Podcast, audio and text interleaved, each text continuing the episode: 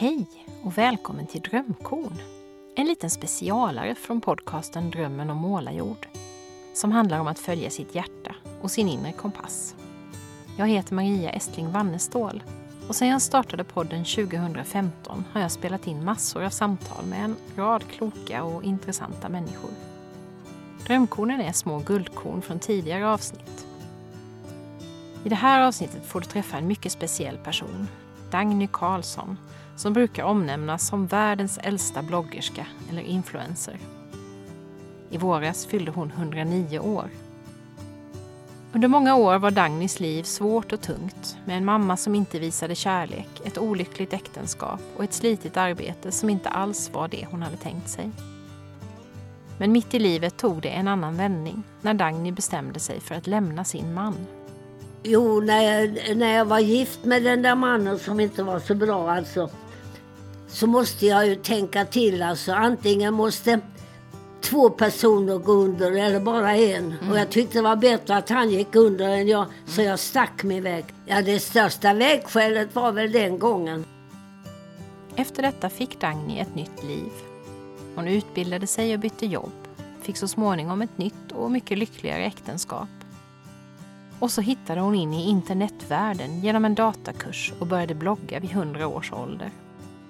Men det var egentligen redan när hennes andra make dog ett antal år tidigare som hon insåg att hennes välmående till stor del handlar om vilken inställning hon hade till livet.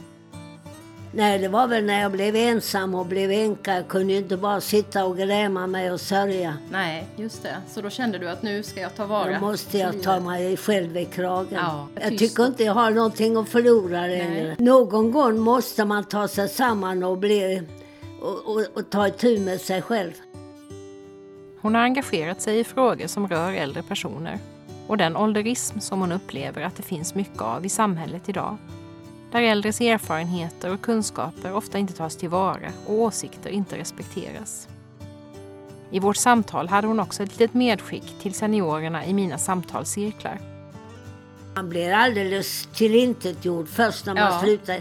Man tycker man duger man duger inte till någonting och man är helt förbrukad. Ja. Och man vet inte vad man ska göra av resten av sitt liv.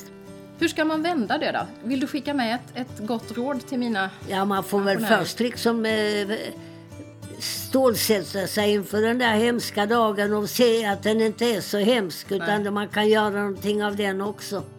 Och sen är det att fortsätta vara nyfiken ja. och, och prova nya saker kanske. Ja. Sen vi träffades hemma hos Dagny har hon hunnit med en förfärlig massa spännande saker. Som att vara med i en rad tv-program, alltifrån Fråga doktorn till Skavlan, skriva en bok och göra skådespelarpremiär. 2017 var hon först sommarpratare och blev sen framröstad av lyssnarna till att hålla ett vinter i P1. I år har hon haft en del problem med hälsan och flyttat till ett äldreboende men med hjälp av sin vän och presstalesperson Elena Ström hålls bloggen fortfarande igång så att alla fans kan hålla sig ajour med hur Dagny har det. För mig är hon en stor inspirationskälla med den nyfiket utforskande inställning till livet som jag är övertygad om har bidragit till ett liv som inte bara blivit långt utan också meningsfullt. Och på många sätt personifierar hon den psykologiska modellen ACT, Acceptance and Commitment Training, som jag arbetar med i så många sammanhang och som handlar om att se verkligheten som den är och försöka acceptera det vi inte kan förändra. För att frigöra energi till att förändra det vi kan. För det är ju så Dagny har levt den senare delen av sitt liv. Hon har inte fastnat i sorg och bitterhet över det som har varit, över sitt åldrande eller över alla nära och kära som inte finns mer. Utan gått vidare, lärt sig nytt, utvecklats och fått uppleva så mycket spännande och roligt. I nästa drömkorn möter vi en annan poddfavorit, Kajsa Ingmarsson, som också har inspirerat mig så mycket. Framförallt genom sina böcker om att följa hjärtats väg. Tack för att du har lyssnat och hej då!